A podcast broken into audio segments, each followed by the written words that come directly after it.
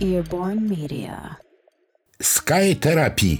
Zatankuj, odpal, leć, doświadczaj.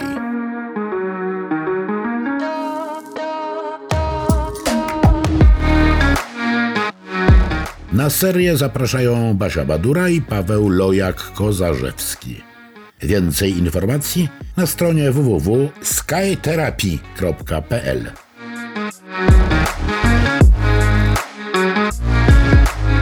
Sesja szósta. Sprzęt. Jeśli nie możesz już biec, to znaczy, że lecisz, czyli jak dobrać sprzęt, aby skutecznie odlecieć, oraz wizyta w fabryce napędów Technofly.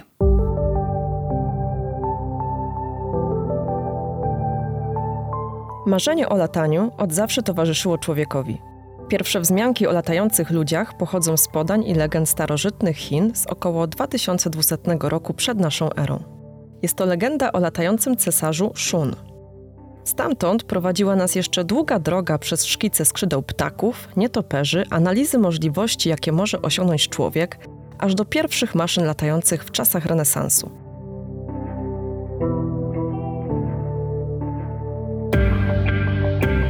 Motoparolotniarstwo jest dość młodym sportem, bo mającym początki w drugiej połowie XX wieku. Technologia, nowe koncepcje i pojawiające się potrzeby pilotów powodują nieustanny rozwój tej dyscypliny. Jeden z większych postępów odnotowują napędy, czyli silniki, dzięki którym możemy latać szybciej, dalej, bezpieczniej.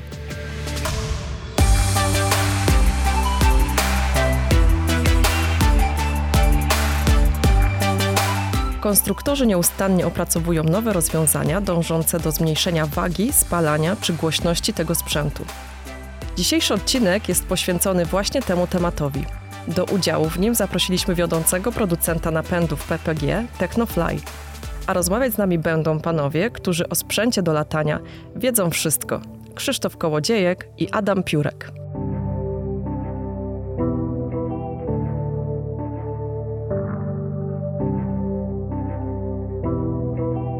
Dziś będzie trochę statycznie, a trochę dynamicznie. Część naszego spotkania w fabryce napędów Technofly odbyliśmy prowadząc rozmowę, siedząc w czwórkę przy stoliku i popijając kawę. Zadaliśmy pytania pozwalające na zarysowanie całości procesu produkcji napędów PPG, ale i też pytania, które dostaliśmy od Was. I od tej części statycznej właśnie zaczniemy, aby później płynnie przejść do części dynamicznej, czyli wycieczki z Krzysztofem Kołodziejkiem po terenie hali produkcyjnej. Będzie głośno, będzie technicznie, ale pojawi się też niespodziewany gość specjalny, czyli gorący Wiesiek.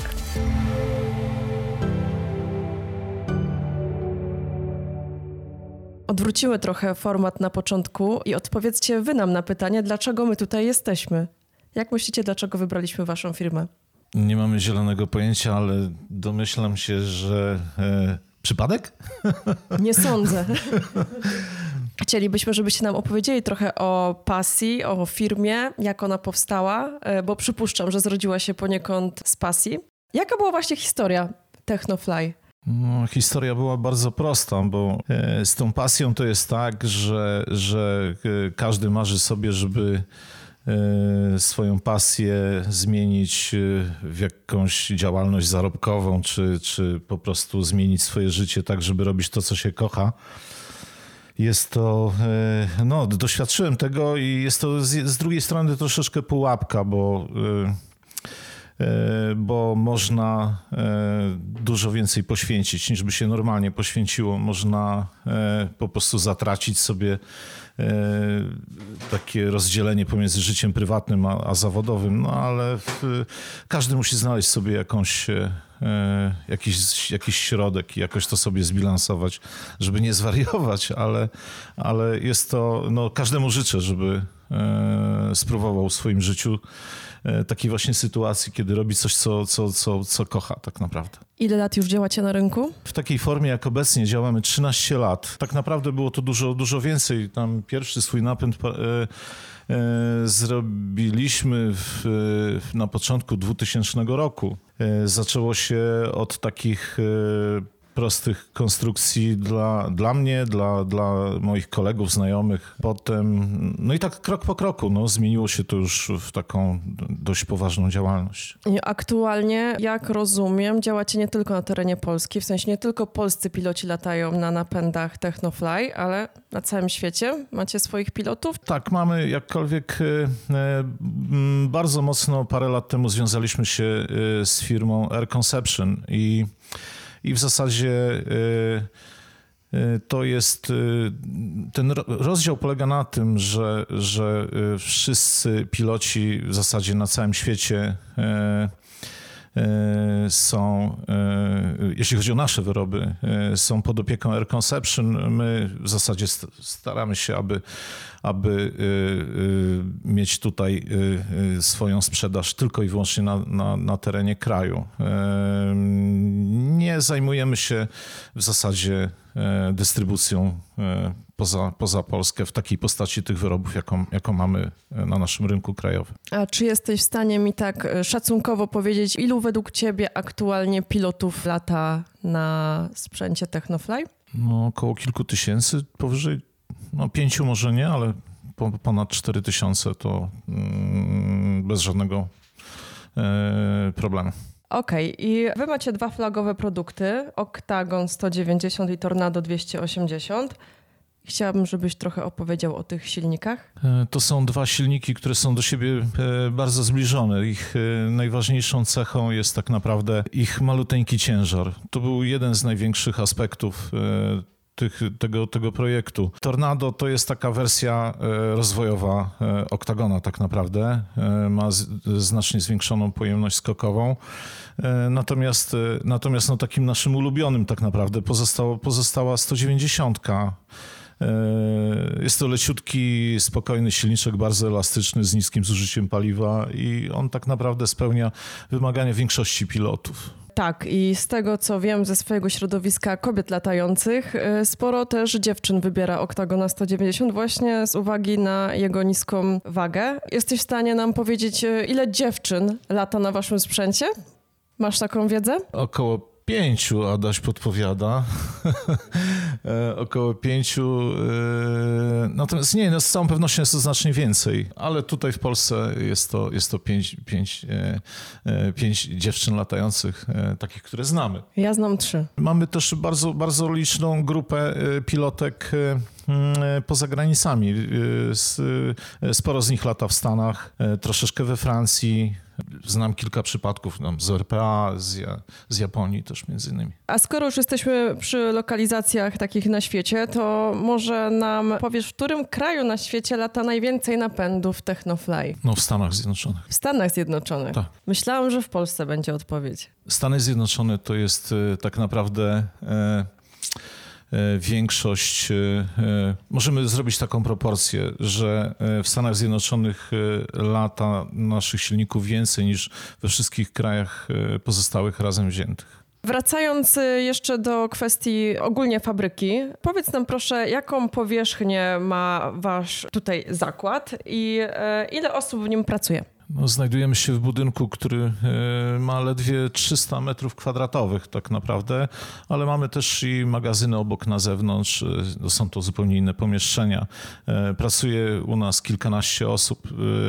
Było ich ponad 20 jeszcze dwa lata temu, ale zostaliśmy już z taką załogą, która stanowi no, taki trzon. No, Okej, okay, a tak pokrótce za co te osoby są odpowiedzialne? Jakiś podział obowiązków? E, mamy e, w biurze trzy osoby. E, najważniejszy to jest Adam, tak naprawdę, bo Adam zajmuje się e, wszystkimi sprawami związanymi ze, ze sprzedażą, obsługą klientów, serwisem, e, przygotowywaniem, organizowaniem wysyłek itd. Tak itd. Tak Jest to najważniejsza osoba tak naprawdę. Ja zajmuję się projektami, moja żona wszystkimi aspektami związanymi ze sprawami pracowniczymi, finansami itd. Tak itd. No a dalej to już, to już jest obróbka, to są cztery osoby, obróbka mechaniczna, e, e, dział e, zajmujący się przygotowywaniem podzespołów, pakowaniem, montaż i serwis, trzech spawaczy, kilkanaście osób razem. Porównując inne konstrukcje, wasze się wyróżniają. Czym wyróżniają się najbardziej konstrukcje Technofly? Zdecydowanie ciężarem. To był od początku jakby kluczowy aspekt i tak przemyślany, aby, abyśmy mogli śmiało powiedzieć, że mamy najlżejsze napędy.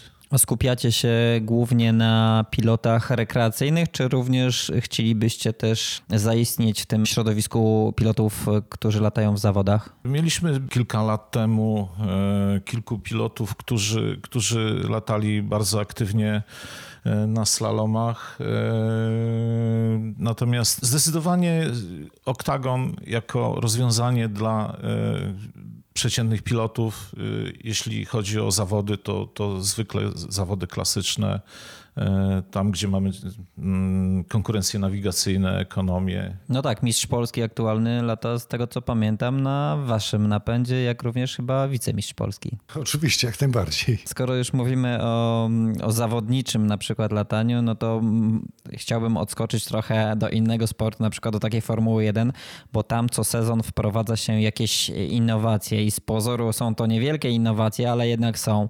E, I czy u was w waszej waszej firmie staracie się wprowadzać coś nowego, coś innowacyjnego? No, robimy to niemalże cały czas.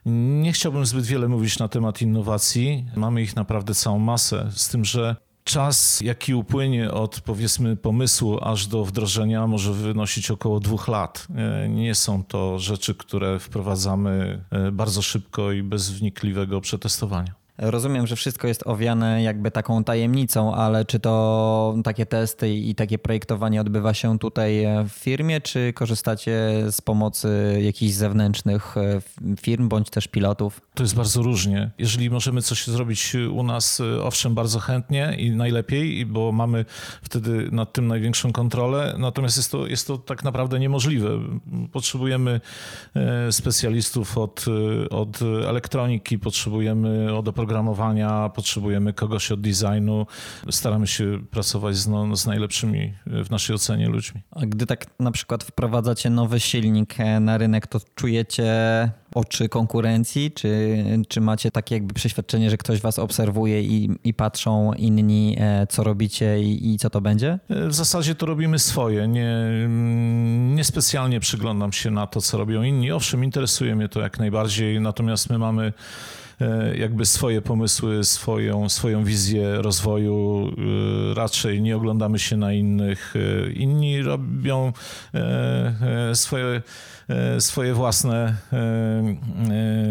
pomysły, podobnie jak i, jak i my, ale nie do końca są, to, są one zbieżne ze sobą. I jako chyba jedyni albo jedni z pierwszych wprowadziliście ramy magnezowe. Ja pamiętam kilka lat temu na takiej imprezie polskiej Pararodniki miałem okazję wziąć do ręki aluminiową ramę i tą magnezową i byłem naprawdę zaskoczony, jak ona jest lekka, więc magnez to jest coś, co wprowadziliście bodajże jako pierwsi. Czy macie jeszcze jakieś takie materiały, które wprowadzacie bądź wprowadziliście i one zaskoczyły i, i, i cały czas są kontynuowane? Myślimy o stopach magnezu jako materiału do komponentu naszych, naszych silników. Nie, nie jest to nie jest to takie proste tak naprawdę. Mieliśmy sporo wpadek, no, że tak powiem, nie, nie, nie znalazły się one w takiej praktyce produkcyjnej, natomiast y, no, dużo się zmieniło. W tym roku, y, w połowie tego roku być może, że pokażemy pierwszy silnik, który w większości, y, być może, że nawet nie będzie miał stopów aluminium w swojej,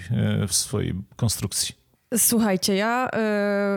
Jestem tutaj dzisiaj też między innymi dlatego, że odbieram swojego oktagona i nie ukrywam, że wybrałam was między innymi dlatego, że słyniecie z bardzo dobrego serwisu, na czym mi zdecydowanie zależało. E, jest uznawany za jeden z najlepszych w Polsce, jeśli nie najlepszy. Jak on działa? Opowiedz nam o tym. Przede wszystkim miło mi słyszeć takie słowa. E, bynajmniej dokładamy wszelkich starań, aby tak, e, tak się działo mamy swoje procedury od programów komputerowych po dokumentację serwisową, aby to wszystko było dopięte na ostatni guzik. E, no i nie pozwalamy przede wszystkim, żeby klient się odbijał od telefonu. Staramy się te telefony na każdym kroku odbierać i, i odpowiadać na wszystkie pytania, które są nam zadane. Czy wszystkie części zamienne macie dostępne od ręki? Również się staramy, aby tak. Nasz, nasz cały magazyn był e, zapełniony wszystkimi komponentami. E, owszem, zdarzyć się może, że akurat dany element jest w produkcji, bo nie, nie produkujemy go w ilościach dwie, trzy sztuki, tylko idzie to e, w ilościach już większych. Ale to są poślizgi rzędu paru dni. Ale zdecydowanie tak, mamy wszystkie elementy do naszych napędów. Okej, okay, a jaki jest y, taki przeciętny czas, kiedy tutaj pozostaje napęd na przykład w serwisie, jeżeli ja go do Was wyślę na przegląd? Wszystko zależy od ilości e, napędów w danej, w danej chwili, które stoją na serwisie, ale na pewno takim przez nas nieprzekraczalnym terminem e, są dwa tygodnie, e, których no, za wszelką cenę staram się nie, nie przekraczać. Jeżeli możliwości techniczne dają możliwość zrobienia napędu bez mała od ręki albo z dnia na dzień, to, to również to robimy, bo nie ma potrzeby e, trzymania tego napędu.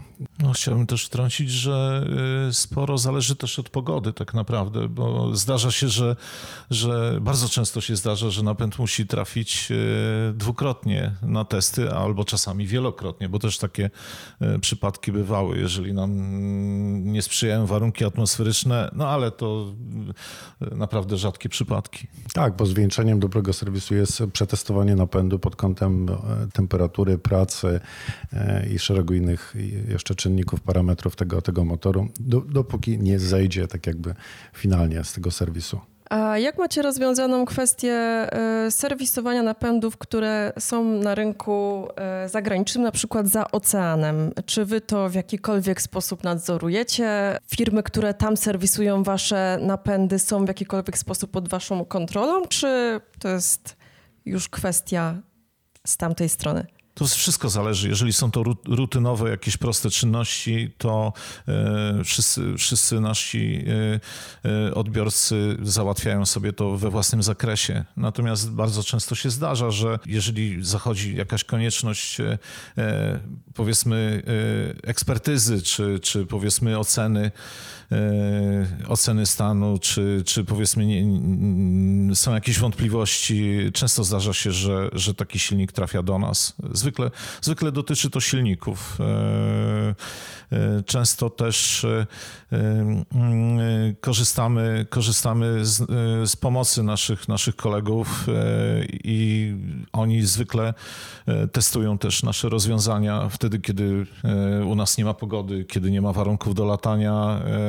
No, są miejsca na świecie, gdzie lata się przez okrągły rok, także, także silniki często wracają do nas tutaj do, do oceny i do e, ewentualnych e, e, napraw czy, czy serwisu. A jeżeli pilot posiada napęd innego producenta, czy może go u Was również serwisować? Mm, nie, nie mamy żadnych możliwości niestety. Natomiast nie, nie ma chyba z tym żadnego problemu, Adaś, bo wydaje mi się, że, że nawet w naszej okolicy kilka serwisów takich działa. Tak, takich miejsc, które serwisują różne silniki jest, jest parę, więc... A wy się skupiacie po prostu na swoich. Wyłącznie tak. Porozmawiajmy może o procesie tworzenia takiego silnika, bo tak jak wcześniej wspominałem, słyniecie z tego, że nie sprzedajecie E, napędów, e, korzystając e, z silników innych producentów, tylko sami je tworzycie.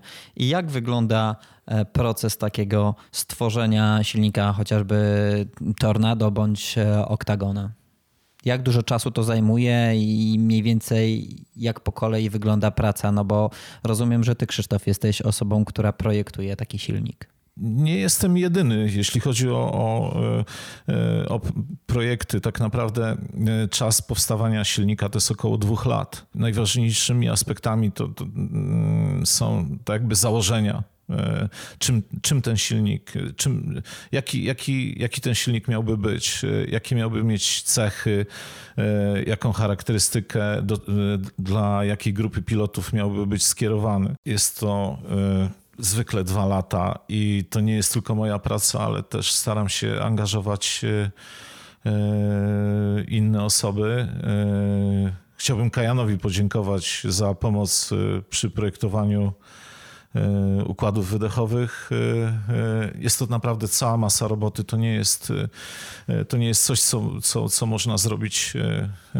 w wąskim gronie ludzi. To mm, oprócz czasu i setek pomysłów, to jest no, najtrudniejsze jest tak naprawdę wdrożenie tego i wyeliminowanie wszystkich błędów, jakichś E, jakichś mankamentów, które by potem wpływały na, na jego awaryjność, czy, czy powiedzmy jakieś, jakieś wady, które potem by się, e, e, potem by trzeba było usuwać już po, po wdrożeniu do produkcji. A proporcjonalnie co więcej czasu zajmuje z, zaprojektowanie i jakby zrobienie takiego prototypu, czy później przetestowanie go i sprawdzenie go w boju? Zdecydowanie to drugie. To drugie dlatego, że każdą poprawkę też trzeba przetestować. Jeśli, jeśli trafi się jakaś konieczność, żeby jakieś elementy uległy modernizacji, przebudowie, wzmocnieniu, musimy nadal taką samą pracę wykonać, żeby potwierdzić, że e, to, co e, zrobiliśmy w celu eliminacji problemu, no, no, no, że, to, że to działa i nie będzie sprawiało kłopotów w przyszłości. Jak wcześniej wspominałeś, e, największym ograniczeniem waszego zakładu jest powierzchnia, na której działacie. Mieliśmy okazję obejrzeć stanowiska pracy z bliska, linię produkcyjną e, i czy produkując napędy macie jakby ciągłość, że te napędy cały czas na zaś produkujecie, czy e, skupiacie się na składaniu takich napędów już pod szczególne takie zamówienia, no bo wiadomo, że każdy napęd jest kwestią indywidualną zamówienia, E, ale czy na przykład macie jakąś taką serię, którą e, cały czas składacie, chociażby, nie wiem, e, ramy macie przygotowywane na, na zaś, czy, czy odbywa się to wszystko na bieżąco? To wszystko odbywa się tak naprawdę na bieżąco. No, jakkolwiek silniki montujemy niezależnie od tego, czy, czy w danym momencie mamy na nie zamówienie, czy nie. Tak naprawdę jest to związane z takimi cyklami produkcyjnymi, które E, których długość i, i wielkość, no, rozmiary do, do, dopasowujemy do, no, tak, żeby to nam jakoś najtaniej e, wychodziło w trakcie produkcji. Musimy też e, no, patrzeć na, na pieniądze, które wy, wydajemy na, na nasze zaopatrzenie, na, na nasze towary. Natomiast każdy napęd jest składany indywidualnie. Nigdy się nie zdarzyło chyba do tej pory, żeby u nas stały napędy na półce i zmontowane, przygotowane w jakiejś konfiguracji zawsze były montowane specjalnie na zamówienie. A czy wiele jest firm, z których korzystacie i kupujecie od nich e, poszczególne półprodukty, aby zmontować w całości taki napęd? Trudno mi odpowiedzieć na to pytanie, co znaczy wiele, bo to jest takie relatywne trochę, ale e, e, nie jest ich dużo. Doczekaliśmy czasów, gdzie samochody na ulicach. E, są, to samochody elektryczne, no i w naszym sporcie mm, motoparalotniowym również przyszła moda na napędy elektryczne i e, szperając w internecie znaleźliśmy taką informację, że Krzysztof Kołodziejek zbudował kiedyś taki napęd elektryczny. Czy możesz coś o nim e, opowiedzieć? E, no to było już bardzo dawno, bo w 2008 roku e, brałem udział w takim projekcie, w trakcie którego no, skończył się tak naprawdę e, oblotami napędu elektrycznego. No byłem chyba pierwszym pilotem w kraju, który, który na takim napędzie latał i no, wy, wylądowałem strasznie rozczarowany. E, wszystkie moje jakby e, oczekiwania, e, tak, bardzo źle mi z tym było tak naprawdę, bo spodziewa... to nie jest tak jak z samochodem elektrycznym, że, że on jest cichutki, bezszelestnie sobie jeździ. No, w przypadku napędu tak nie jest. Jednak różnica w, trakcie, w trakcie lotu y, i i moje oczekiwania może były zbyt wysokie, ale, ale śmigło hałasuje potwornie, niezależnie czy jest y, napędzane silnikiem elektrycznym, czy spalinowym. Trzeba by było je stunelować, tak jak w Eurokopterze na przykład. Trzeba by było no, naprawdę wiele, wiele wysiłku, żeby, żeby coś z tym dało się zrobić. Y, po wylądowaniu stwierdziłem, że nikt nie będzie chciał tym latać. A jakie to były mniej więcej parametry? Pamiętasz, ile najwięcej czasu taki napęd mógł lecieć i jaki jakiej rzędu tam kilogramów był ciąg generowany przez taki napęd? To był, ten napęd wykorzystywał śmigło identyczne jak TOP 80 podobne obroty śmigła, e, podobna powiedzmy siła ciągu e, jak top 80. Czyli w granicach 50 kg. W granicach 50 kg, natomiast e, cały napęd ważył niemalże 50 kg. Nie, nie było to takie proste tak naprawdę. E, jednak, jednak ciężar przy, tej, przy, przy tych osiągach tego napędu, ciężar no, stanowił potworne utrudnienie. Tak naprawdę waży bateria. I ta bateria jest jednocześnie, no jak dotąd, e, e, największym mankamentem. E, wtedy też pomyślałem sobie, że przez 10 lat chyba napęd elektryczny nie, nie, nie odniesie komercyjnego sukcesu i postanowiłem o tym zapomnieć. No, nie pomyliłem się chyba, bo 10 lat upłynęło i nadal... nadal... Chcieliśmy odgrzebać temat, ale nic z tego nie wyjdzie nadal. To jest właśnie moje kolejne pytanie. Czy, czy planujecie wrócić do, do tego pomysłu budowania napędów elektrycznych w firmie Technofly? Na razie, na, na, razie jeszcze nie, e, ale niewykluczone, że napęd elektryczny wróci przy naszym kolejnym projekcie. E, ponieważ e, chcielibyśmy coś robić więcej niż, e, niż napędy paralotniowe i silniki do paralotni, ale to o, o tym porozmawiamy przy kolejnym spotkaniu. Jeśli chodzi o napęd elektryczny, to Pozornie wygląda to wszystko bardzo prosto, natomiast e, jesteśmy zobligowani do tego, żeby, e, żeby utrzymywać napięcie bezpieczne baterii. Tak naprawdę ten napęd e, miałby zupełnie, zupełnie inne cechy, gdyby mógł mieć baterię o napięciu 300-400 V. Natomiast nie może to być 60 V i kilkaset amper poboru prądu. To jest największy problem. No dobrze, przejdźmy teraz do kilku pytań od y, pilotów, którzy mm, latają i zastanawiają się na przykład nad zmianą e, napędu na wasz, ale na przykład mają jakieś e, takie pytania e, natury technicznej. Dlaczego na olej podajecie proporcję 1 do 60, a w instrukcji od napędu jest to 1 do 66? Przede wszystkim na oleju nie jest 1,60, tylko 1,66 na naszej butelce, którą wypuściliśmy, a z kolei instrukcja, e, proporcja, która jest użyta e, i opisana w instrukcji, dotyczy olei e, różnych innych producentów, gdzie jest to wtedy uśrednione. Natomiast po wypuszczeniu, tak jak dobrze tu wspomnieliście, oleju naszego, my na etykiecie pozwoliliśmy sobie na taką, a nie inną proporcję, o czym jest informacja na samej butelce. Nikt nie podważy tego, że wasze napędy są jedynymi z najlżejszych napędów na rynku. Natomiast y, największy zarzut, jaki słyszymy od pilotów, jest to to, że ta rama jest na tyle delikatna, że na przykład do zastosowania na trajce nie do końca się nadaje. Zresztą sam widziałem e, wzmocnienia pilotów, którzy latali w zawodach e, klasycznych, że skonstruowali sobie takie wzmocnienia i to pytanie właśnie jest, czemu e, nie macie jakichś wzmacnianych koszy, które byłyby dedykowane do trajek?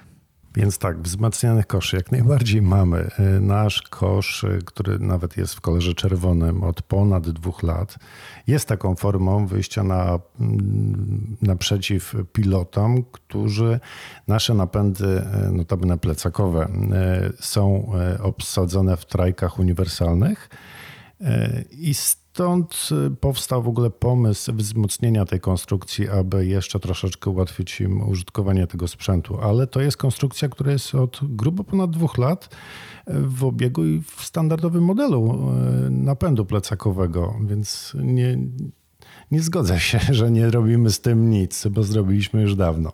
A jak już mówimy o trajkach, to doszły nas słuchy, że e, firma Technofly będzie miała e, kompaktową trajkę. Możecie coś opowiedzieć więcej o tym projekcie? Próbujemy zrobić coś, coś e, próbujemy, zrobiliśmy coś, co będzie na tyle małe, na tyle pakowne, aby można było to zabrać pod pachę w fajnym, malutkim pokrowcu i udało nam się taką trajkę zmieścić do wymiarów pokrowca 80 cm na 40 i zaledwie 16 cm wysokości, więc, więc objętościowe jest naprawdę nieźle. No, planujemy to wypuścić teraz w najbliższym początku sezonu już na światło dzienne. Nie jest to trajka dedykowana dla pilotów chcących zacząć swoją przygodę od zera na trajce, tylko raczej do pilotów, którzy latają na trajce, a szukają jakiejś alternatywy do podróży, do, do transportu małej, pakownej i, i przede wszystkim bardzo, bardzo lekkiej. Rozmawialiśmy o waszym serwisie, o waszym, waszej obsłudze klienta. I troszkę tak tutaj teorii było, a ja bym chciała dzisiaj sprawdzić to w praktyce, ponieważ y, odbieram dzisiaj oktagona i chciałabym zapytać, co się teraz wydarzy w takim razie. Czy wy mnie podwiesicie, czy wy mi pokażecie y, sposób obsługi, czy wy mi na przykład pokażecie, jak y, rozłożyć kosz i tak dalej. Chciałabym się dowiedzieć po prostu, jak to u was wygląda, jeżeli pilot przyjeżdża i odbiera gotowy sprzęt. E, tak, dobrze trafiłaś. E, przede wszystkim duży nacisk kładziemy na zapoznanie się potencjalnego pilota z naszym produktem e, i począwszy od e, omówienia zbiornika paliwa na składaniu kosza kończąc, e, również podwieszamy, również regulujemy, aby to wszystko było gotowe do takiego wstępnego, bezpiecznego pierwszego startu. Cała ta procedura trwa w okolicach godziny. Jest to takie niezbędne minimum, aby móc powiedzieć te dwa słowa i żeby tych niewiadomych e, w domu było jak najmniej o tym sprzęcie. No i to mnie cieszy. Żeby niewiadomych było jak najmniej, to jest najistotniejsze, tak? Żeby bezpiecznie później latać i czuć się komfortowo z tym sprzętem. Wygląda na to, że wyczerpaliśmy pakiet naszych e, pytań e, w firmie Technofly. Dziękujemy bardzo za e, możliwość obejrzenia fabryki, no i opowiedzenia nam o tym wszystkim, co się tutaj dzieje, bo są to rzeczy bardzo ciekawe i mam nadzieję, że nasi słuchacze, mm, że tak powiem, dowiedzieli się dużo więcej i chętnie skorzystają z Waszej oferty. Dziękujemy jeszcze raz bardzo. No my również dziękujemy, bardzo się cieszymy z Waszej wizyty. No i żegnamy się. Krzysztof Kołodziejek i... I Adam Piórek. Miło mi było. Dziękujemy bardzo i w takim razie idziemy się podwieszać, tak? Tak jest, zapraszamy. Oczywiście.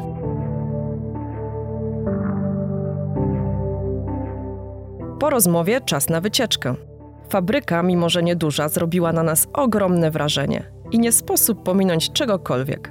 Zabieramy więc Was na spacer iście technologiczny – Krzysiek Kołodziejek opowie nam o całym procesie produkcji i pokaże każdy etap powstawania znanych Wam oktagonów 190 i Tornado 280.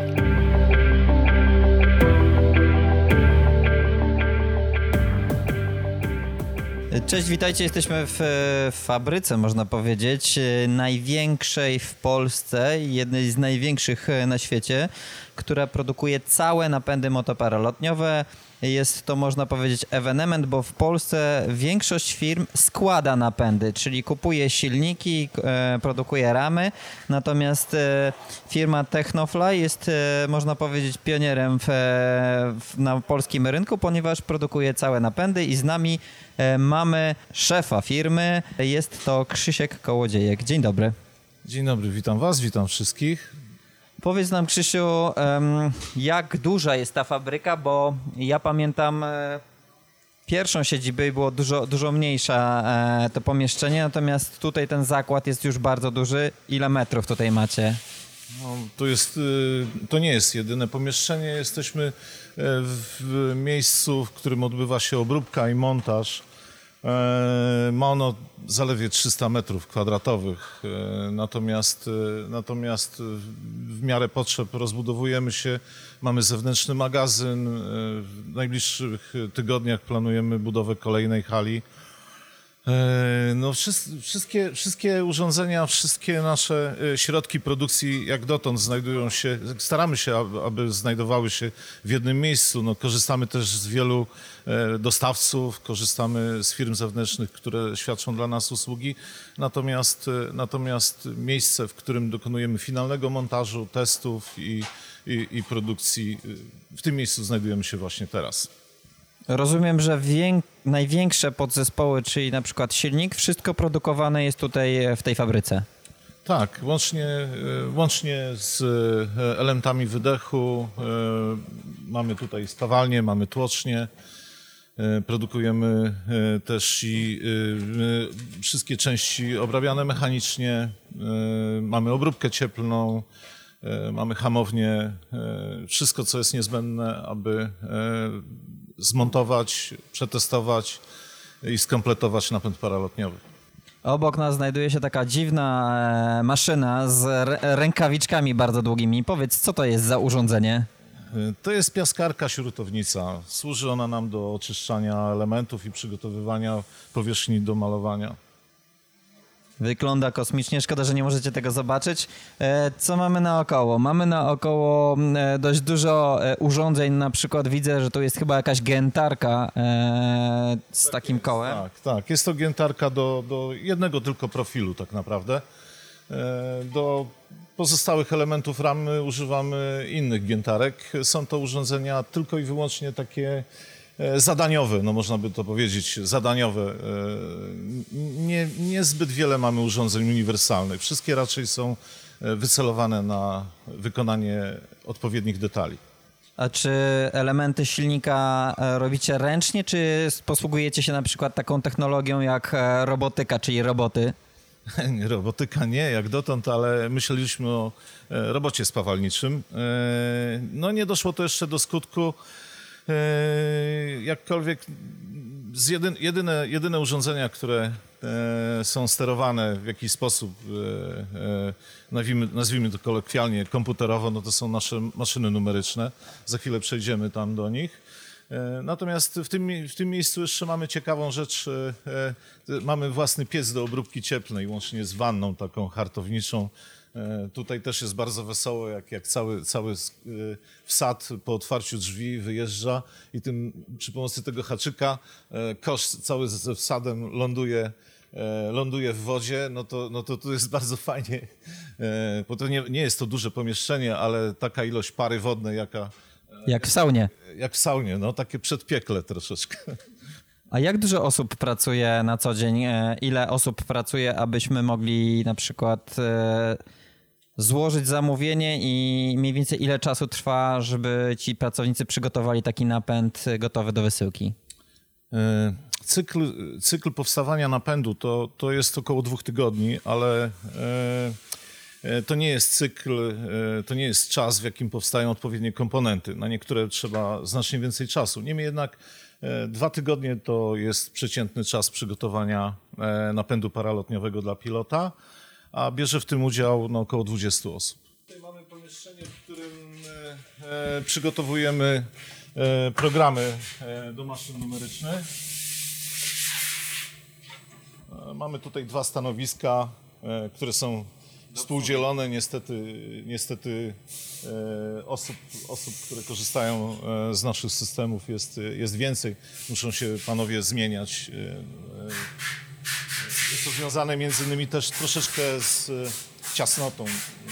Naszym naj, olbrzymim, olbrzymim problemem też jest, jest e, ograniczona ilość miejsca i przestrzeni. E, jesteśmy na naszym wydziale obróbki. Mamy tutaj trzy frezarki sterowane numerycznie. Na tych maszynach wykonujemy część spośród e, naszych e, elementów produkcyjnych. Wykonujemy na nich również oprzyrządowanie. Większość narzędzi do tłoczenia, odlewania, do kształtowania metali, kształtowania naszych komponentów wykonujemy również sami. Jeśli, jeśli korzystamy z naszych dostawców, jak na przykład zakładów odlewniczych, E, zwykle dostarczamy im e, nasze własne oprzyrządowanie i, i to oprzyrządowanie jest wykorzystywane do produkcji naszych e, podzespołów. A jaki na przykład element obrabiacie na takiej maszynie, tak przykładowo? W tej chwili mamy przyrząd, którym, który będzie wykorzystany do, do wykonania takiego malutkiego uchwytu do naszej nowej trajki. Planujemy uruchomienie E, produkcji trajek i to jest jeden z komponentów, który, e, który będzie do niej służył. E, tej, tu, na tej maszynie z kolei e, kolega przygotowuje e, właśnie takie, e, takie drobiazgi e, do obróbki. Będą one e, wiercone, gwintowane, przecinane. E, Będzie to uchwyt, którym e, rama napędu będzie mocowana do, e, do ramy e, trajki. Natomiast ten element będzie służył tylko i wyłącznie do zamocowania e, tego detalu na kolejnej maszynie do wykonania pozostałych operacji. Kosmiczny widok. E, może jest ciasno, ale naprawdę e, widok, widok jest ciekawy, e, bo takich maszyn raczej nie spotkamy nigdzie. E, nigdzie w, w Polsce. Ja jestem e, pierwszy raz e, w fabryce i w ogóle pierwszy raz widzę takie maszyny. A powiedz mi, bo widzę, że W związku z tym rola operatora w zasadzie sprowadza się do, do wymiany detali, do, do, do zamocowania przygotówek i, i zdemont, zdemontowania ze stołu już obrobionych elementów i wstawieniu nowych do obróbki. Ale Dotyczy to przede wszystkim takich e, prac e, rutynowych, produkcyjnych. E, Zwykle, gdy robimy coś nowego, robimy jakieś prototypy, robimy jakieś narzędzia, no wtedy zaangażowanie kolegów jest znacznie większe. Wtedy często ustawienie tej maszyny wielokrotnie przekracza czas tej rzeczywistej jej pracy nad, nad, nad, nad obrobieniem naszego detalu. Czy one szybko pracują, czy tak jak drukarki 3D bardzo wolno? No nie, to są jedne z e, no, wariatów. To, to nie działa, to nie, to nie, e, to nie działa tak e, e, w żółwim tempie. Nie, nie, nie, nie, nie. Raczej, raczej staramy się, aby maksymalnie wykorzystać najlepsze dostępne narzędzia i z największymi prędkościami skrawania i z najnowszymi, e, powiedzmy, technologiami e, wykonania e, naszych, naszych elementów. Ekstra. Dobra, przejdźmy gdzieś dalej. To, jest, e, to miejsce to jest nasza ślusarnia jednocześnie, e, czyli, e, czyli takie pomieszczenie, gdzie e, no nie da się wszystkich, e, e, wszystkich rzeczy, czy nawet nie opłaca się, nie ma ekonomicznego uzasadnienia, żeby wszystko robić e, na maszynach numerycznych. Często po prostu proste, przygotowawcze e, czynności e, robimy sobie e, e, tutaj na e, e, przy pomocy urządzeń tam, pneumatycznych, narzędzi, jakichś elektrycznych, prostych e, e, do, do usuwania powiedzmy tam, e, e, tak, jak, tak jak w tej chwili widzimy, e, kolega e, usuwa ostre krawędzie e, powstałe po, e, e, po obróbce. E, Tutaj też są one oczyszczane, e, wstępnie kontrolowane, zanim trafią e, dalej do, e, do montażu. To jest takie e, e, pomieszczenie, w którym e, odbywa się też e, ręczna, e, e, ręczna obróbka, ręczne przygotowanie e, detali. Są to, e, są to dwa stanowiska szlifierskie, e, ponieważ podczas szlifowania jakimiś, e, jakimiś szlifiereczkami, jakimiś tam przecinarkami E, no dość dużo, dość dużo e, wytwarza się różnego rodzaju pyłu, zanieczyszczeń. E, e, Mamy tutaj takie specjalne stoły z odciągami e, i z filtrami wodnymi, żeby, żeby tutaj nic w powietrzu nie, e, e, żebyśmy nie musieli tym oddychać potem. E, Tutaj przygotowywane są odlewy e, czyli surowe odlewy, które, e, które dostarczane są do, do, do, do, e, do naszej firmy. E, Są one tam w niektórych miejscach wygładzane, wyrównywane, e, tak aby, aby e, mogły zostać zamontowane dalej e, na maszynach numerycznych.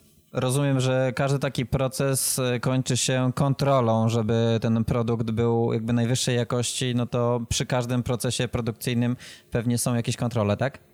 E, Pierwszy, pierwsza kontrola tak naprawdę ma miejsce na, e, już na stołach maszyn, ponieważ maszyny są wyposażone w sądy pomiarowe i one jakby dokonują pewnych pomiarów w cyklu automatycznym, czyli, czyli jest to jakby Pierwszy, pierwszy taki, pierwsza taka chwila, w której możemy sprawdzić jakość wykonywanych elementów.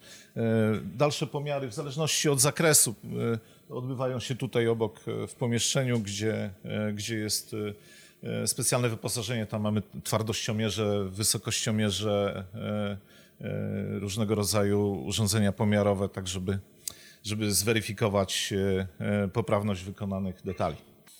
Znajdujemy się w kolejnym miejscu, bardzo takim e, technicznym. Widzę wiszące. E, dokładnie. Powiedz coś tak. więcej o tym stanowisku. To jest, to jest nasza spawalnia. E, no, e, mamy spawalnię podzieloną na część, w której są spawane elementy wykonane ze stali obok mamy stanowiska, na których e, spawa się aluminium i stopy magnezu. E, troszeczkę się różnią między sobą, wszystko ze względu na to, żeby, żeby sprawnie ewakuować powstałe podczas spawania gazy i, i żebyśmy nie, nie musieli tym wszystkim oddychać.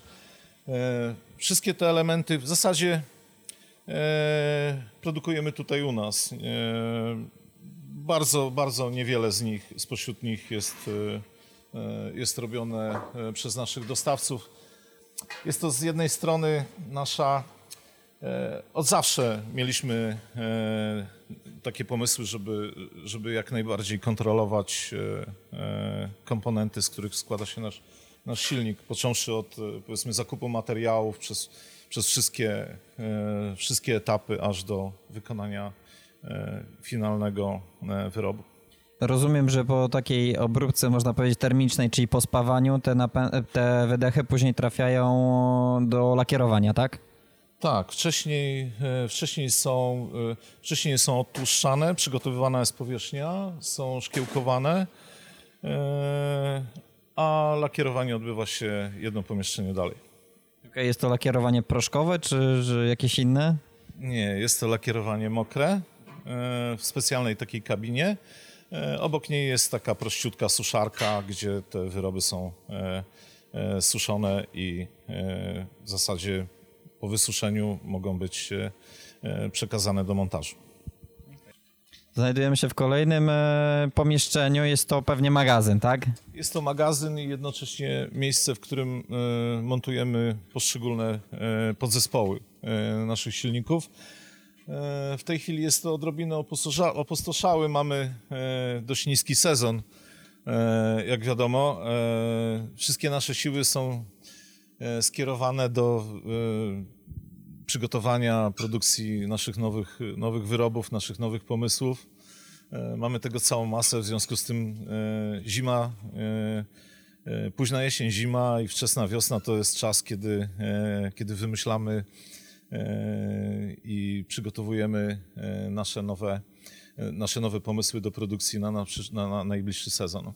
Czyli rozumiem, że tutaj macie taki e, zbiór wszystkich elementów do e, montażu już gotowego napędu, jak również są też miejsca takie, gdzie tutaj e, pracownicy składają te napędy, tak? Tak, są to, są to miejsca, gdzie na przykład montowane są koła pasowe, są to miejsca, w których, w których przygotowywane są wiem, wały korbowe, jest, jest stanowisko do montażu wału, a następnie do kontroli i centrowania. E, także mm, zajmowane one są zwykle na, na czas e, niezbędny do wykonania jakiejś tam serii, a potem e, przebudowujemy naszą przestrzeń, żeby umiejscowić jakąś następną operację. No niestety ze względu na trochę, trochę limit powierzchni musimy tutaj radzić sobie w sposób niestandardowy odrobinę. A powiedz mi, czy taki na przykład napęd, który przychodzi do serwisu na kontrolę serwisową na przykład, czy on też tutaj trafia do tego pomieszczenia i tutaj jest e, weryfikowany, czy jest do tego odpowiednie miejsce? Nie, mamy dwa miejsca. E, przede wszystkim Yy, zwykle, zwykle taki napęd jest e, sprawdzany najpierw na, na stanowisku, które znajduje się na zewnątrz budynku. Mamy tam zresztą dwie hamownie. Mamy hamownię silnikową, w której są testowane silniki jako takie i obok jest jednocześnie stanowisko, na którym sprawdzany jest kompletny napęd łącznie ze śmigłem. Także w zależności od tego, E,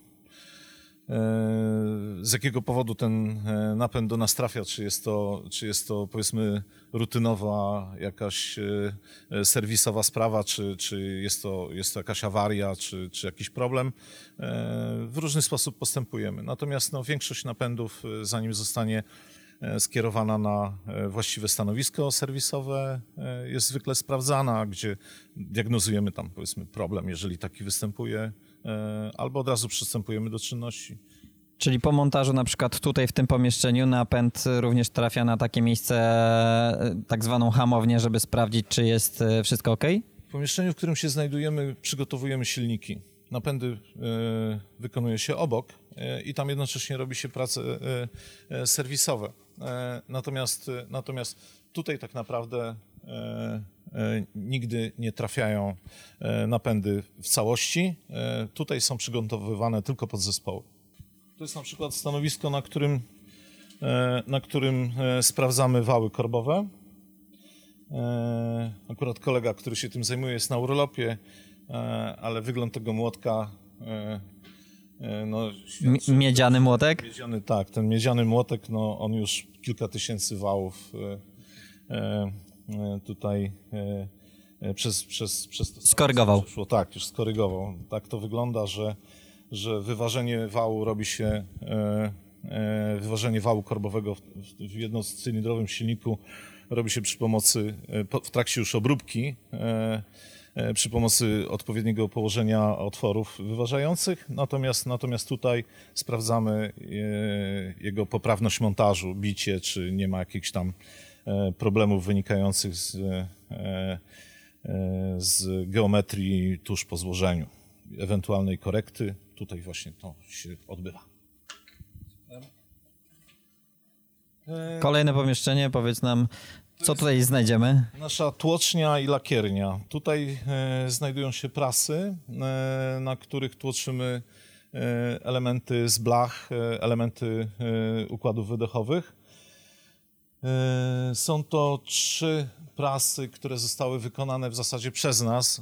E, są to urządzenia zadaniowe służące tylko i wyłącznie do wybranych grup e, naszych detali. Jednocześnie mamy tutaj też i prasę do, do składania wałów korbowych. No, to pomieszczenie w tym momencie nie, nie, nie, nie, służy, służy bardziej jako magazyn niż jako, niż jako przestrzeń produkcyjna. E, tak jak wcześniej wspomniałem, jeżeli zaplanujemy sobie e, jakąś partię detali do wykonania, wtedy, wtedy organizujemy błyskawicznie przestrzeń do tego potrzebną, robimy to i dalej to pomieszczenie wykorzystywane jest do czego innego. Te duże elementy, które tam leżą, to rozumiem, że są matryce do produkcji wydechów, tak? Tam blacha do wydechów jest wyginana i później zespawywana. Tak jest. Jest to e, e, matryca do tłoczenia e, tylnej ścianki, jak widzę, tylnej ścianki rury wydechowej. E, tak, ponieważ jest to e, symetryczny detal, e, gdzieś tu niedaleko powinna leżeć i, i druga do, do przedniej ścianki. E, to są, to są e, elementy tłocznika e, akurat do rury, do tornado, do rury wydechowej. Tutaj też i znajduje się nasze urządzenie do lakierowania, łącznie, łącznie z suszarką. Ciekawa nazwa, gorący wiesiek. Czemu taka nazwa? To już należałoby się zapytać osoby, która go tak ochrzciła. Jest to grill dwunastokurczakowy. Grill dwunastokurczakowy najlepiej sprawdza się do suszenia e, elementów lakierowanych wydechu. Faktycznie widzę urządzenie gastronomiczne i cukiernicze. Ciekawe, ciekawe rozwiązanie, ale najważniejsze, że działa. E, no, działa i, i nie mogliśmy tutaj wstawić większej suszarki ze względu na, e, na ograniczenia naszej powierzchni, ale mm, spełnia swoje zadanie doskonale. Tutaj mamy kolejne stanowisko i widzę, że te wydechy chyba już są gotowe, polakierowane i tak naprawdę czekają na, na swoją kolej do, do montażu, tak? E, tak, dokładnie. E, e, stąd e, tu, tutaj mamy takie pole odkładcze, gdzie, e, gdzie one sobie oczekują, e, żeby zostały e, przechwycone do, e, na nasze następne stanowisko montażowe, które znajduje się tutaj obok i właśnie proponuję, żebyśmy przejść. Jesteśmy w miejscu, gdzie powstają nasze napędy. E, e, Przetestowane silniki e, znajdujące się na tych półkach. Tutaj właśnie są montowane do uprzednio przygotowanych ram przez naszego kolegę. W większości napędy składa kolega Marcin. Używane do tego są silniki, które znajdują się w tym miejscu. E, Takie silniki po, e, tuż po montażu mon- e, są przykręcane do takich specjalnych ramek i te ramki służą do tego, żeby zamocować je na naszej hamowni na zewnątrz. Tam są docierane, regulowane. Jeżeli, jeżeli, wszystko, jeżeli wszystko działa tak, jak powinno, trafią, trafiają na inną półeczkę i dopiero z tej półeczki są pobierane do montażu do, do ramy. Czyli rozumiem, że mm, proces jest taki, że silnik jest składany, trafia najpierw na hamowie, jest regulowany, układany i dopiero gdy jest sprawdzony, jest e, dobrze wyregulowany, wraca tutaj i jest na tym stanowisku e, do montażu instalowany w ramie. Dokładnie tak. E, e, Zdarza się czasami, że z jakiegoś, z jakiegoś powodu, nie wiem, coś zostało przeoczone, czy, czy, czy trzeba ponownie zweryfikować. Zdarza się czasami, że, że taki napęd trafia z powrotem na hamownię, jeżeli są jakieś wątpliwości, czy, czy jakiekolwiek okoliczności, które do tego e, skłaniają. Natomiast zwykle, zwykle prosto stąd e, e, on jest przygotowywany do pakowania. Okej, czyli jak już włożymy ten silnik w docelową ramę, to ona już nie wraca na hamownię, nie jest sprawdzana. On już jest sprawdzony wcześniej, więc nie ma potrzeby. Dokładnie tak. To są, tak jak mówiłem, to są jakieś wyjątkowe przypadki. Jeżeli odkryjemy coś, co nas niepokoi, czy powinno być sprawdzone, być może, że wtedy jeszcze wróci, ale odbywa się bardzo rzadko. Okej. Ile jest tutaj takich stanowisk do montowania e, gotowych napędów? E, To są dwa stanowiska tutaj e, obok, e, natomiast, e, natomiast tamta część e, e, jest raczej bardziej serwisową, czyli po prostu na tych dwóch stanowiskach, e, e, na tym stanowisku tak naprawdę, gdzie jesteśmy w tej chwili, e, tylko i wyłącznie nowe napędy składamy. E, Jeżeli, jeżeli mamy więcej pracy, wykorzystujemy e, kolejne. E, Natomiast w większości przypadków tamta część pełni rolę serwisu. Czyli te napędy, które trafiają na serwis na przykład gwarancyjny, to one do tego pomieszczenia od razu przychodzą. Tak, tak, one wszystkie znajdują się tutaj. Tutaj jest też i miejsce, gdzie, w którym pakujemy nasze rzeczy. W tej chwili mamy paletę, e, paletę z silnikami do Francji. E, Tutaj też e, e, robimy wszystkie jakieś takie e, dodatkowe montaże jakichś e, komponentów, tak jak mamy w tej chwili manetki e, e, na stole. E, Kolega e, przygotowuje e, rączki, rękojeści, obudowy. Czyli cała manetka jest tak naprawdę składana na tym stanowisku, tak? Tak, tak. E, e, W tym miejscu, no nie tylko manetka, w tym miejscu są montowane też i e, elementy układu wydechowego. No, mm, tak jak mówię, no, zwykle jest to zadaniowo. Nie zobaczymy tu, jeżeli wykonamy jakąś tam serię tych manetek. Trafiają do magazynu, a później... do magazynu. Później na to miejsce trafiają powiedzmy elementy tłumików szmerów ssania. E, Skończymy jakąś serię tłumiczków, e, wraca seria do magazynu, pojawiają się e, tłumiki do układu wydechowego, czy jakieś opaski, czy jakieś elementy rozruszników, w zależności od potrzeb. I tu jest takie miejsce, gdzie właśnie po takim montażu na stanowisku one trafiają i później pewnie czekają na montaż. Czekają na montaż albo wracają do magazynu, który mieści się w innym budynku. E, Rozumiem, czyli tak naprawdę y, to nie jest jedyne miejsce, gdzie te podzespoły są, bo tak jak wcześniej wspominałeś, jest dodatkowy budynek, w którym te części zamienne podzespoły magazynujecie na, na jakby na, na przyszłość, tak? Tak, tak. No tam, tam zresztą trafiają wszystkie nasze większe dostawy. No jeśli, jeśli zamawiamy, e, zamawiamy zbiorniki paliwa, e, jakieś e, e komponenty, w, e, cylindry, komponenty w jakichś dużych ilościach, muszą one, muszą one trafić, tu po prostu nie ma, nie ma na to miejsca. Tak czy inaczej, jeżeli, jeżeli, te, jeżeli nam dostarczane są powiedzmy blachy, z tych blach powstają rury wydechowe, no one wszystkie zaczynają tworzyć dość duże objętości. No, to wszystko musi niestety opuścić to pomieszczenie i, i, i zostać pobrane wtedy, kiedy na to przychodzi czas. Zdaję sobie sprawę, że na przykład taki bag zajmuje bardzo dużo miejsca, objętościowa jest bardzo lekki, więc musi być gdzieś składowany. No, ostatnia dostawa to były trzy palety, takie wysokie palety zbiorników paliwa. No, no, no ale trafiają tu tylko wtedy, żeby, tylko po to, żeby e, zostały w nich zamontowane jakieś e, króćce, e, przygotowane koreczki i wracają z powrotem do magazynu. Ja tu widzę obok w ramie zbiornik 15-litrowy. Czy e, to jest jedyny zbiornik, jaki montujecie, czy są tych zbiorników jest e, kilka modeli? W tej chwili mamy dwa zbiorniki. To są zbiorniki 11 i 15,5 litra. E, mieliśmy,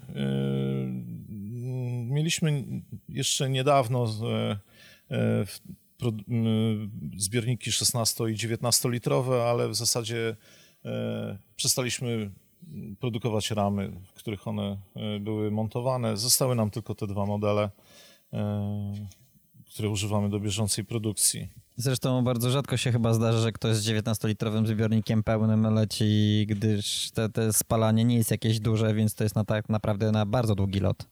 E, no tak, to prawda. No, niemniej jednak no, zbiorniki 19-litrowe cieszyły się dużą, dużą popularnością. No, były montowane bardzo często e, w trajkach. E, no, niektórzy piloci bardzo cenili sobie e, większą ilość, większy zapas paliwa na jakieś dłuższe przeloty. Natomiast w praktyce tak naprawdę zbiornik 15-litrowy jest wystarczający dla przeciętnego pilota. Znajdujemy się w kolejnym e, pomieszczeniu. Bardzo ciekawe pomieszczenie, gdyż e, widzę tu jakąś e, szybę z kratą, a za nią jakieś specjalne stanowisko. Krzysiu, opowiedz. Dobrze rozumiem, że jest to hamownia? tak, znajdujemy się w tej chwili w hamowni silnikowej. mamy tutaj pomieszczenie, które jest podzielone na dwie części. To jest część, w której montujemy badany silnik. E, wyposażona jest taki, taki, taki e, stanowisko, na którym jest zamontowany hamulec wodny. E, hamulec ten służy do, do pomiaru momentu obrotowego i mocy badanego silnika. Mamy tutaj wentylatory, cała, całą masę wentylatorów, które służą do, do, z jednej strony i do chłodzenia, do wyciągu spalin, ponieważ no, musimy tutaj zapewnić doskonałą wentylację tego pomieszczenia, no i dość dużą izolację, jeśli chodzi o hałas tak naprawdę. Czy każdy silnik, który jest produkowany w waszej firmie trafia tutaj do tej hamowni? E, nie, to, e, to jest e, bardziej pomieszczenie badawcze niż, niż produkcyjne. Niemniej jednak możemy przy pomocy oprogramowania, które działa z tym hamulcem, na przykład zasymulować, zainicjować powiedzmy 10 tysięcy przyspieszeń e, silnika, tak żeby e, sprawdzić powiedzmy nasze sprzęgło, prawda? Mamy nową kładzinę, mamy nowy, nowe ciężarki, chcielibyśmy powiedzmy sprawdzić jak będzie wyglądał stopień zużycia tych ciężarków po, po, po 12 tysiącach przyspieszeń silnika na tym, na tym stanowisku możemy to zrealizować. Czyli jakbyśmy na przykład testowali własnoręcznie, to musielibyśmy zrobić te 10 tysięcy razy, a tutaj taki automat wykona to pewnie za nas dużo, dużo szybciej, no i bezpieczniej. No przede wszystkim bez udziału człowieka, bo e, to nie jest przyjemne pracować w hałasie, w jakimś zadymieniu, jeszcze mieć kontakt z paliwem, ze spalinami, Bóg wie czym jeszcze. E, najlepiej po prostu ułożyć, przygotować program e, pomiarowy czy program badawczy i e, na tym, na tym stanowisku możemy jednocześnie sobie zdjąć charakterystyki momentu i mocy silnika. Możemy też wykonać powiedzmy całe, całe testy polegające na, na utrzymaniu jakichś obrotów, e, utrzymaniu jakichś pewnych e, reżimów pracy silnika z pod różnym obciążeniem. On może, możemy mu zaprogramować czas na jakąś pracę na wolnych obrotach, potem stopniować obciążenie. No, no gama powiedzmy możliwości, jeśli chodzi o, o testy jest, jest naprawdę bardzo szeroka. Często korzystacie z tego pomieszczenia? E, bywało tak, że korzystaliśmy przez e, pół roku niemalże codziennie, ale bywało też tak, że przez e, niemalże rok nie, nie, nie korzystaliśmy z niego ani razu. Jeżeli robimy jakieś nowe jeżeli, jeżeli chcemy sprawdzić jakieś nowe rozwiązania, nowe pomysły, zmienić e, powiedzmy charakterystykę silnika, e, z, zrobić jakieś, jakieś, jakieś e, zmiany techniczne, zwykle tutaj muszą, muszą się wszystkie te pomysły sprawdzić, zanim zostaną wdrożone do produkcji. Pulpit operatorski z... Dźwignia jak w samolocie. Tak, dźwignia, dokładnie, tak jak, tak jak w samolocie. E, wyposażona jest ona w serwomechanizm, e, także mm, e, operator może uruchomić no, to stanowisko. Jeżeli, jeżeli przygotowany jest program pomiarowy, może, może je opuścić. Nie, nie jest wymagana obecność operatora w trakcie pracy. Czyli rozumiem, że jeżeli na przykład program wykonuje jakieś zadanie i je skończy, to automatycznie to dźwignię opuści do dołu, tak? Tak, wyłącznie, wyłączy również, e, wyłączy również zasilanie, e, zgasi silnik i e, zasygnalizuje, że możemy... Praca została wykonana. Praca została wykonana, dokładnie tak. I kolejne stanowisko, które jest na zewnątrz. Podejrzewam, że jest to miejsce, gdzie sprawdzane są silniki już razem ze śmigłem. Dobrze, dobrze mówię? Tak, tak. Jesteśmy, jesteśmy e, na naszej hamowni e, ze śmigłem, e, hamowni silnikowej ze śmigłem. Tutaj też trafiają napędy, jeżeli wymagają powiedzmy regulacji, wymagają sprawdzenia. Są one montowane z tamtej strony, zabezpieczone. Mamy dodatkową kratę, żeby, żeby tutaj nic złego się nie, nie zdarzyło. No, no, to urządzenie wymaga też e, e, postawienia kilku obciążników, żeby tutaj nam coś nie odfrunęło czasami.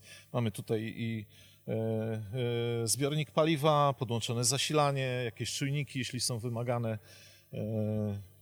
Nie ma zadaszenia, także, także no jesteśmy dość mocno uzależnieni od warunków pogodowych. Ale rozumiem, że tutaj trafiają te silniki, które są nowe i zanim zostaną zamontowane w ramię, to tutaj najpierw są sprawdzane, jak również te silniki, które przysyłają do Was piloci. Dokładnie tak. E, każdy silnik e, e, nowo wyprodukowany musi przejść przez to miejsce. Na tym miejscu spędza około pół godziny tak naprawdę, około 15 minut zajmują wszystkie czynności związane z regulacją, z, ze sprawdzeniem jego. Poza tym mamy cały taki cykl e, testowy e, i przygotowawczy, tak żeby pilot po, po nabyciu nowego napędu paralotniowego w zasadzie nie musiał wykonywać żadnych czynności, jeśli chodzi o docieranie i tak dalej. Taki napęd jest od razu gotowy do lotu. Czyli nalać paliwo i lecieć. Dokładnie tak, taki, taki jest pomysł na to. Tak się właśnie zastanawiam. Trochę mało jest, trochę mało jest nas dzisiaj, bo E, trochę żałuję, mogłoby się więcej dziać, było wtedy więcej ciekawych rzeczy do, do, do, e, do pokazania, no ale, e, ale tak, tak, tak jak mówię, jesteśmy, jesteśmy, w takim, jesteśmy w takim etapie, w którym w zasadzie przygotowujemy 90% czasu obecnie to jest przygotowywanie jakichś nowych pomysłów, jakichś nowych wyrobów. Mamy tego naprawdę dużo. I, i... A ja chciałbym zapytać, czy większość e, pilotów e, odbiera taki napęd od Was osobiście, czy otrzymuje go e, drogą wysyłki? To jest bardzo różnie. Tak naprawdę to staramy się, aby, aby napędy, nowe napędy do pilotów trafiały dwiema drogami. Albo będzie to ktoś, kto jest naszym przedstawicielem, kto kto pomoże pilotowi wtedy do, dopasować uprząż, wykonać jakieś regulacje, przygotować do, do, do, do lotu, tak żeby, tak żeby ten napęd nie spowodował jakiejś niespodzianki, żeby wszystko było jednoznacznie wyregulowane, sprawdzone, przetestowane i jeśli, jeśli wysyłamy e, nowy napęd do, do nabywcy, no, no raczej staramy się jednak, żeby e, był to albo odbiór osobisty, e, albo, albo ktoś, kto w naszym imieniu pomoże przygotować do pierwszego lotu. I już, to był ostatni odcinek tej serii podcastu Sky Therapy.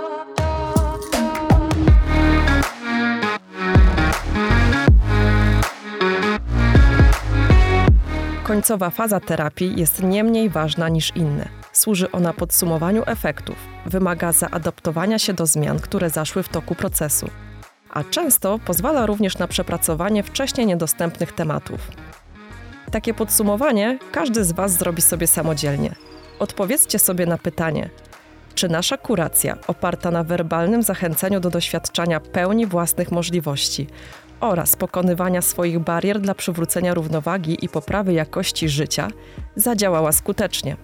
Czy w waszych organizmach krew płynie jeszcze szybciej, słysząc dźwięk odpalanego napędu PPG? Czy macie ochotę na jeszcze głębsze eksplorowanie tematu?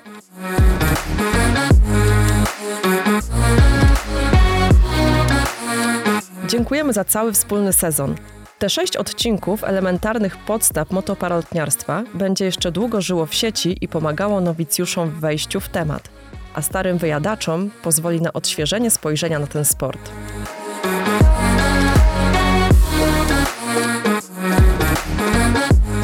Sky has no limit, dlatego mierzymy wysoko i już planujemy nagranie kolejnego sezonu naszych podniebnych terapii. Jeśli macie jakieś sugestie, czym powinniśmy Was zająć, czego chętnie posłuchacie, dajcie nam koniecznie znać. Lojak, lojak, dzięki za ten sezon podcastu i widzimy się na niebie. Ja również dziękuję Basiu za ten podcast. Do usłyszenia, jak wspomniałaś. Do zobaczenia niebawem na niebie. Bez odbioru, Basia Wadura. Tyle samo startów co lądowań. Bez odbioru, Paweł Lojak-Kozarzewski. Więcej informacji na stronie www.skytherapy.pl.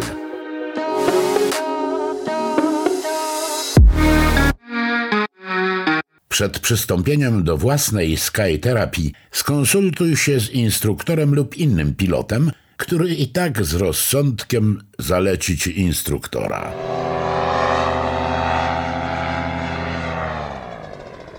Produkcja i realizacja Airborne Media. Czytał Tomasz Knapik.